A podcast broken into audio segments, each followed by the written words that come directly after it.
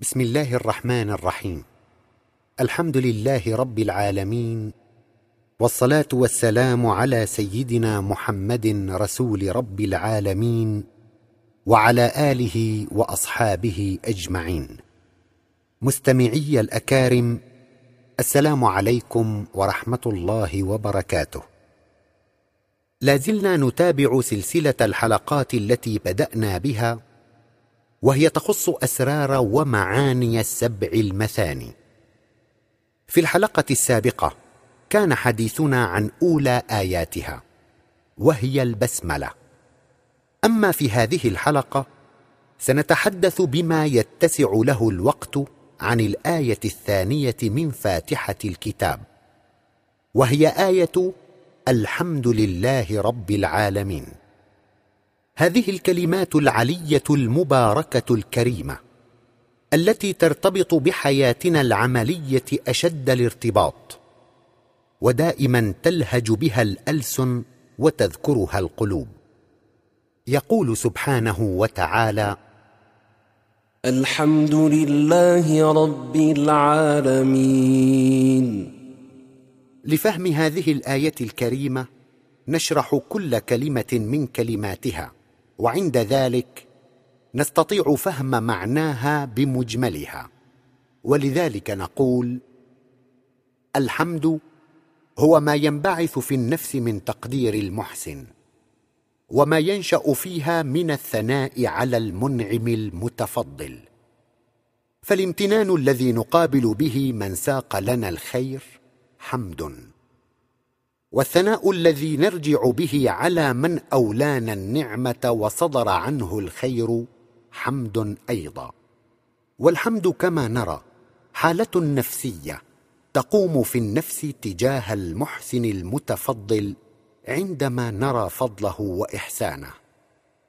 ولا يحمد الشيء إلا إذا كان جامعا لكل خير من كل وجه وخاليا من كل شائبة ونقص. فلمن الحمد يا ترى؟ ومن هو الذي يستحق الحمد فيحمده كل شخص لا بل كل موجود ونفس على كل عمل وفعل.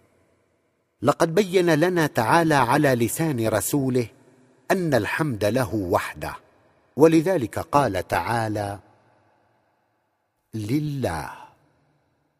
وكلمة لله مأخوذة من الإله. والإله هو الذي يؤول إليه أمر كل ما في الكون من حيث رزقه ومعاشه وإمداده بالحياة وقيامه وتسييره في أعماله ومنحه ما يتطلبه في حياته بما يتناسب وكمال كافة المخلوقات. فمن كمال لكمال أوسع وليس بالإمكان أبدع مما كان. أي ليس بإمكان أحد من البشر أن يبدع مثل هذا الإبداع أبدا. فسبحانك ربي ما أعظم كمالاتك ولا إله لي وللكائنات كلها سواك. فالله تعالى يريد أن يعرفك بأنه يحمد على تسييره لهذا الكون. فما من حادثة تحدث ولا مصيبة أو ضائقة تلم وتنزل ولا عسر أو يسر ولا مرض أو شفاء وما من هم أو غم ولا نصرة أو خذلان وما من واقع يقع في هذا الكون إلا وهو منه تعالى محض الخير والفضل والإحسان. فهو سبحانه يحمد على كل حال وهو تعالى يستحق الحمد وله الحمد في كل ما يسوقه لهذه المخلوقات. أدرك طرفا من ذلك أولو العلم والأبصار.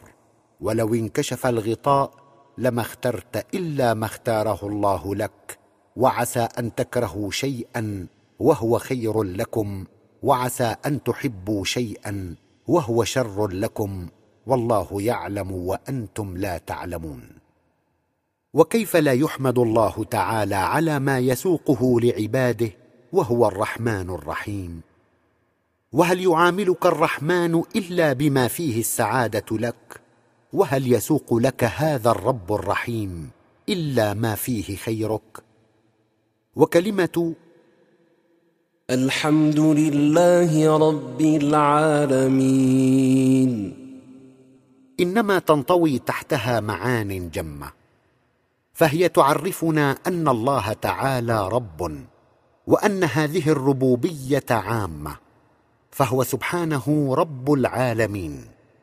ثم هي تعرفنا أيضا بأنه تعالى هو المسير لأمور هذا الكون وهي تعرفنا أخيرا بأنه يحمد على تسييره وأن الحمد مقصور عليه فله الحمد وحده. وبصورة عامة إنما تعرفنا بأن رب العالمين المسير لما في الكون من إنسان وحيوان أو أي شيء إنما يحمد على كل حال. وأن كل فعله وسائر ما يسوقه لمخلوقاته فضل وإحسان وخير. ونعرفك بكلمة رب فنقول الرب هو المربي مأخوذة من ربى وأصل الفعل ربى بمعنى زكى ونمى وكما تقول ربى الزرع أي نمى وتشدد الباء فتقول ربى فلان الغنم أي خصها بالعناية. فجعلها بسبب هذه العناية تنمو وتستمر في الحياة. فأمدها بما يلزمها من مأكل منوع مغذ وشرب موافق الروي وعني بإيوائها في مأوى خاص مهوى وأسامها في الأرض ترعى في الفلا متعرضة لنور الشمس والهواء النقي. وبصورة عامة قدم لها سائر ما يتوقف عليه دوام وجودها وحياتها واستمرار نمائها. فالتربية إذن تعني الإمداد بما يلزم لدوام الحياة. واستمرار الوجود والنماء وقد أصبح من السهل علينا أن ندرك معنى التربية لنبتة أو لزرع ومعنى تربية طفل أو شخص. ومن اليسير علينا أن ندرك المراد من قولنا المعلم مرب وأن ندرك مجال تربيته والنواحي التي يخصها بعنايته. وكذلك الأمر بالنسبة للمرشد والرسول. وبصورة أعم نستطيع أن ندرك طرفا من تربية الله تعالى لهذا الإنسان وعنايته به وإمداده إياه بما يلزم منذ أن كان جنينا في بطن أمه حتى أضحى طفلا رضيعا. وما كان يرافق هذه الطفولة من العناية الإلهية في تسخير الأم المشحون قلبها بالعطف والحنان إلى أن أصبح إنسانا سويا ورجلا كاملا. ثم دوام هذه التربية واستمرارها عليه حتى آخر لحظة من لحظاته. ويضيق بنا المجال ولا تتسع بطون الكتب لشرح معنى كلمة رب. ونحن وإن كنا لا نستطيع أن نجد لهذه الكلمة نهاية غير أن ذلك لا يمنعنا من تقريب السامع من معناها بعض الشيء. فلعله إذا هو فكر أدرك طرفا من هذه التربية ووجد نفسه على شاطئ بحر خضم منها لا يدرك لها قرارا ولا تحد بحد. وهنالك يعظم المربي ويقدره وتخشع نفسه له وتعلم أن الحمد كله له. أرأيت تربيتك في بطن أمك إذ جعلك تعالى في مستودع محفوظ من كل أذى وضرر؟ ذي حرارة مناسبة وجو معتدل يأتيك رزقك رغدا بأصول ونظام تحار له العقول. وأنت تسبح في الماء لا يضرك شيء من الأشياء يساق لك الدم صافيا نقيا والغذاء كاملا وتخلق خلقا من بعد خلق حتى تغدو إنسانا سويا. فمن الذي كان يعتني بتربيتك آنذاك أهي أمك أم أبوك؟ ومن هو المربي لك في ذلك الطور؟ أليس هو الله تعالى صاحب العطف والحنان؟ هل جلست تفكر بعنايته بك في هذه الفترة من حياتك؟ وهل جلب انتباهك هذا الدور؟ وإذا نزلت إلى هذه الدنيا وواجهت عيناك النور من هو الذي كان يحضر لك اللبن سائغا رويا في ثديي أمك؟ من هو الذي كان يبدل لك معاييره يوما من بعد يوم؟ ام من هذا الذي اودع في قلب أمك العطف عليك والحنان وجعلها تحزن لحزنك وتفرح لفرحك وتمرض لمرضك وترضى ان تضحي براحتها راغبه في سبيل تامين راحتك والان وقد بلغت اشدك واصبحت رجلا هل فكرت في من يقدم لك صنوفا والوانا وانواعا متنوعة من الأغذية والثمار؟ ومن ينزل لك من السماء الثلوج والأمطار؟ ومن الذي سلك لك في الأرض الينابيع والأنهار؟ ومن الذي جعل لك الأرض كرة سابحة في الفضاء تدور حول نفسها فيتولد في ذلك الليل والنهار؟ وهل نظرت إلى الشمس وما يأتيك منها من حرارة وضياء وإشعاع والقمر وما هو عليه من نظام تتعرف به إلى السنين والحساب والهواء وما فيه من غازات نافعة بنسب معينة لا تستطيع أن تظل بدونها ساعة من نهار من الذي شحن الهواء بهذه الغازات الضرورية للحياة؟ ومن الذي جعل الليل والنهار خلفة؟ وبهذا القدر المناسب للراحة والحياة؟ من الذي خلق لك البحار وملأها بالماء وجعل ماءها ملحا اجاجا لا يفسد؟ ما هذه الرياح المستمرة في طوافها على سطح الأرض تأتي بالخير وتبشر بالمطر وتجدد الهواء ما هذه المعادن المودعة في باطن الأرض؟ ما هذه الأتربة وما هذه الأملاح؟ من الذي ألقى في الأرض من كل زوجين اثنين من النباتات وبث فيها من كل دابة؟ أليس ذلك كله ضروريا للحياة؟ أليس ذلك الممد المربي؟ هو الله. وهل فكرت بشيء من عنايته بك وعرفت معنى كلمة الرب الذي يربيك في هذه الحياة؟ وأوجز القول وأنتقل إلى كلمة العالمين. إن كلمة العالمين هي جمع عالم والعالم تشمل المخلوقات التي تشترك بعضها مع بعض في هذه الحياة. وذوات الصفات الواحدة. فالنمل عالم والطير عالم والأسماك في البحار عالم والنباتات عالم والمواشي عالم والإنسان عالم والنجوم السابحات في الفضاء عالم والجراثيم عالم.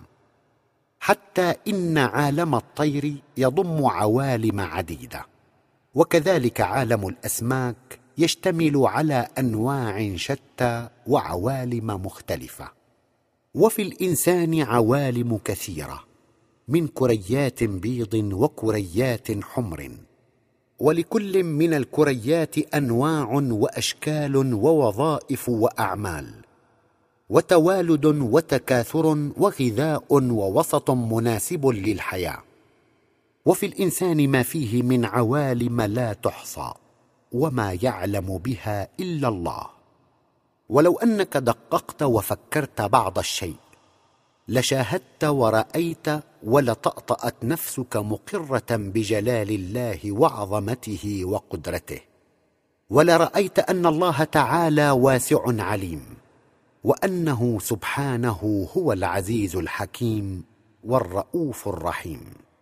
وهكذا. ففي هذا الكون الخضم عوالم. وفي كل شيء عوالم لا يعلم بعددها إلا خالقها وموجدها. ولكل عالم من هذه العوالم شرائط للحياة. وإمداد خاص بها وأصول للتوالد والتكاثر. وأنواع منوعة من الأغذية. وهذه العوالم التي على سطح الأرض ذات مقادير وأعداد ونسب معينة وقوانين للحياة. قال تعالى في سورة الرعد وكل شيء عنده بمقدار. عالم الغيب والشهادة الكبير المتعال. وهذا الرب الممد لهذه العوالم كلها القائم عليها والمتكفل برزقها والممد لها بالحياة هو الله تعالى وحده رب العالمين.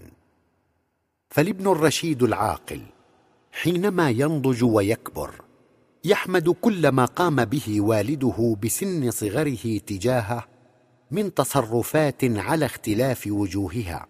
من عطاء أو منع شدة أو رحمة غضب أو رضا أي يقر نفسيا بحسن هذه التصرفات. ويحترم تلك المعاملة التي عامله بها أبوه حتى رفع من سويته العلمية والخلقية. فأنا حينما أرى أن المرض قد زال عني وخلصت منه وحينما أرجع إلى معالجة الطبيب وعنايته بي حتى خلصني مما كنت أشكو منه وشعرت بالصحة قد عادت لي من بعد ألم ومرض أجد في نفسي تقديرا واعترافا بفضل هذا الطبيب.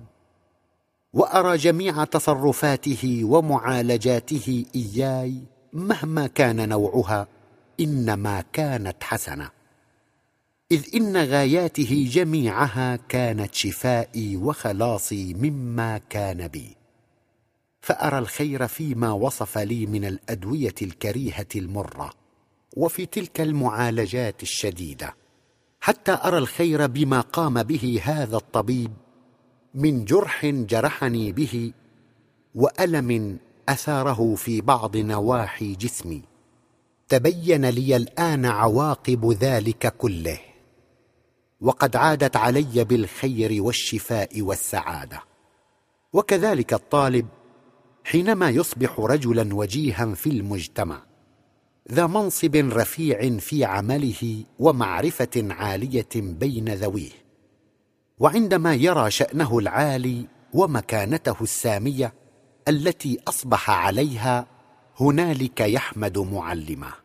أي يرى الخير فيما قام به تجاهه من تصرفات مهما كان نوعها ومهما كانت صورتها حتى إنه ليقر معترفا في قرارة نفسه بأن ضرب معلمه ومعاقبته وحرمانه إياه في بعض الأحيان حتى من الطعام وشدته عليه إنما كانت كلها خيرا. وهي لا تختلف عنده في شيء عن مدحه ومكافأته وثنائه عليه. فالتضييق والحرمان والمكافأة والثناء كلاهما عند هذا الطالب سيان في الخير. إذ لولاهما لما استقامت نفسه ولما كدت وجدت في سبيل التعلم وبالتالي لما نالت تلك المنزلة الرفيعة. ولما بلغت ذلك الشأن العالي في المجتمع فهو يحمد معلمه على ما قام به تجاهه من تصرفات لأنها كلها خير وإحسان. وكذلك بالنسبة للابن الرشيد مع أبيه والمريد الصادق مع مرشده ودليله إلى الله والمؤمن مع رسوله والإنسان تجاه خالقه ومربيه. فهذا الإنسان حينما يرى مثلا أن هذه الأمراض التي ساقها الله تعالى له في الحياة وأن الفقر والمصائب والهموم والكروب والشدائد في الحروب إنما كانت سببا في توبته إلى الله وخلاص نفسه وتطهيرها مما بها من العلل والأمراض تراه حينما يشعر بالصحة النفسية يحمد الله تعالى.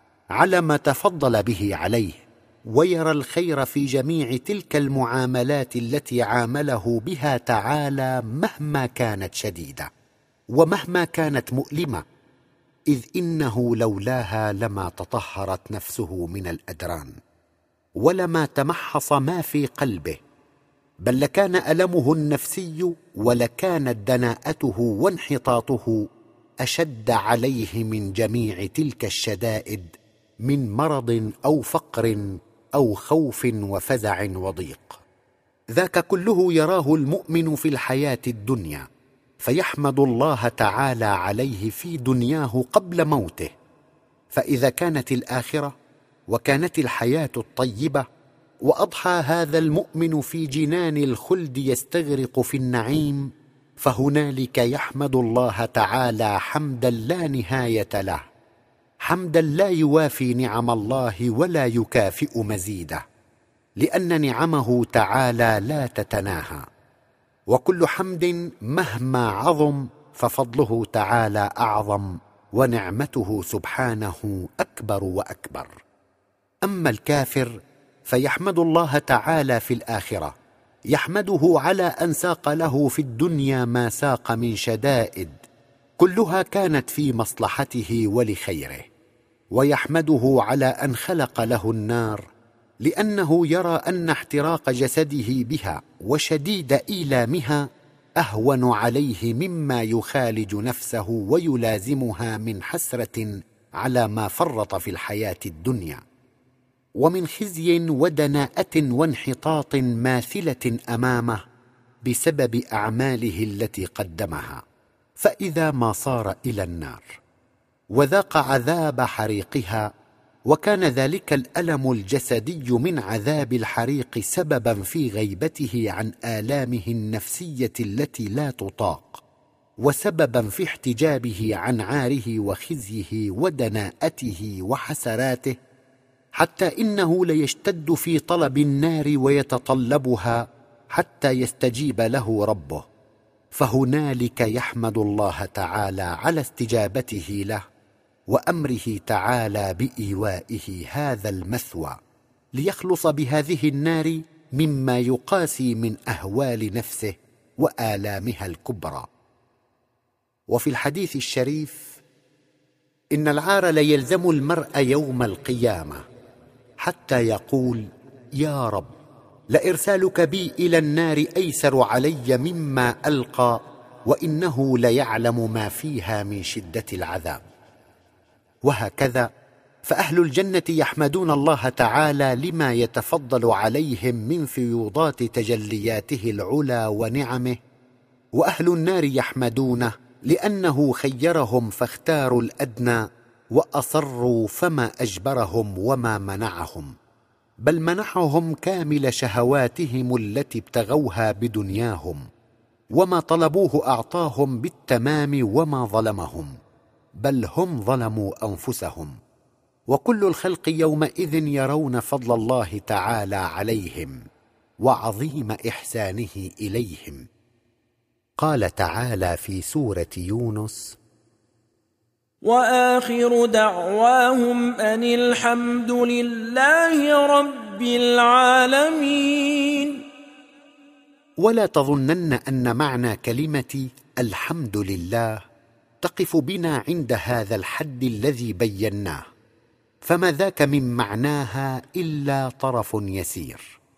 وهنالك معان تنطوي تحت هذه الكلمة لا يعلمها إلا الله. فما من واقع يقع ولا حادث يحدث ولا حال يحول ولا هم ولا غم ينزل ولا مرض أو فقر وشدة تلم إلا وهي من الله تعالى فضل ونعمة وإحسان تسوقها وتنزلها يد الرحمن الرحيم. فهو تعالى دائم العناية بالخلق باسط يده على عباده بالحنان والرحمة يقلبهم من يسر إلى عسر ومن ضيق إلى فرج ومن فقر إلى غنى ومن غنى إلى فقر وفاقة ومن صحة إلى مرض ومن مرض إلى صحة يحول من حال إلى حال وكل ذلك منه تعالى تمحيص وتنقية لهذه النفس وكله منه تعالى مداواه وتطهير وتصفية وكل ذلك فضل ورحمة وإحسان. فلو كشف الغطاء لما اخترت غير ما اختاره لك الله. ولرضيت بالواقع. قال تعالى في سورة البقرة وعسى أن تكرهوا شيئا وهو خير لكم. وعسى أن تحبوا شيئا وهو شر لكم. والله يعلم وأنتم لا تعلمون. وفي الصبر على ما تكره خير كثير. قال تعالى في سورة البقرة أيضا ولنبلونكم بشيء من الخوف والجوع ونقص من الأموال والأنفس والثمرات وبشر الصابرين الذين إذا أصابتهم مصيبة قالوا إنا لله وإنا إليه راجعون أولئك عليهم صلوات من ربهم ورحمة. وأولئك هم المهتدون. فالمؤمن إذا أصابته المصيبة وحاقت به الشدة صبر واستسلم لأنه يعلم أن يد الحنان المنان إنما أنزلت به ما أنزلت من شدة فكيف لا يرضى وكيف لا يستسلم؟ إنه يرضى ويستسلم لأنه يعلم رحمة الله ويعلم حنان الله ويرى عناية الله. عنايته تعالى التي خلقت ما في الأرض وما في السماوات لهذا الإنسان. عنايته تعالى التي سخرت الشمس وسخرت القمر دائبين وسخرت الليل والنهار والأنهار والبحار وخلقت من فواكه وأثمار ونباتات وأزهار وسهول وجبال ومآكل ومشارب ولذائذ خلقت كل ذلك وتخلق على الدوام فضلا ومنة ورعاية لهذا الإنسان إنه يرى تلك العناية الإلهية المحيطة به القائمة على هذا الكون كله والمشرفة عليه كله. إنه يرى دوام العناية الإلهية عليه في الليل والنهار وفي كل لحظة من اللحظات. فلو انقطع إمداده تعالى عن العين لما أبصرت وعن الأذن لصمت وما سمعت وعن اللسان لتوقف وما نبس بكلمة. وعن الفكر لزال وما وعى وعن القلب لسكت وما نبض نبضه يرى المؤمن عناية الله تعالى به ظاهرا وباطنا فيستسلم لتصرفاته تعالى ويعلم أنها كلها خير وفضل ورحمة ويحمده تعالى على كل حال. على أن كلمه الحمد لله رب العالمين ليست فيما وردت عليه الآن في سورة الفاتحة اعترافا من المصلي يعترف به واقرارا يقره بل إنما هي إعلام من رسول الله صلى الله عليه وسلم. فهذه الذات العلية التي خلقتك وأوجدتك والتي تشرف على شؤونك وتربيتك هذه الذات العلية التي تسير جميع الكائنات والتي يؤول إليها أمر كل شيء يبين لك رسول الله أن الحمد لله رب العالمين فيها جميعا. إنها تعرفك أن رب العالمين الذي شملت تربيته كل شيء المسير الذي بيده كل شيء وإليه تؤول أمور كل شيء هذا الرب الممد والإله المسير يحمد على كل ما تراه وكل ما يجري في هذا الكون من تسيير وتصرفات. في كل ركعة وفي كل صلاة لا بل في كل يوم وبما يقارب الأربعين مرة يتلو عليك رسول الله صلى الله عليه وسلم عن لسان الله كلمة الحمد لله رب العالمين. لتستقر هذه الكلمة في نفسك ولتتبع معناها ولتحمده تعالى حقا. فإذا أنت حمدته وعرفت حنانه فقد توثقت الصلة بينك وبينه وهنالك تدخل في النعيم النعيم النفسي. وتتسامى نفسك وترقى من حال إلى حال أعلى. والصلاة معراج المؤمن. وتلك هي الغاية من الصلاة. ومن لم يقرأ آية الحمد ومن لم يتعرف إلى كلمة الحمد لله ومن لم يفقه معانيها ويدخل بها على الله فلا صلاة له وما هو من الصلاة في شيء. إلا أجر حركات الصلاة وهو أثر يسير لا يغني القلب. نكتفي اليوم بما قدمنا من شرح لكلمات آية الحمد لله رب العالمين. وقد تبين لنا بجلاء مجمل معناها. إلا أن الحديث يطول في شرح هذه الآية الكريمة المباركة. وسنتوسع قليلا في تأويلها والإجابة على بعض ما يعرض من أسئلة حولها في الحلقة القادمة بإذن الله. والسلام عليكم ورحمة الله وبركاته.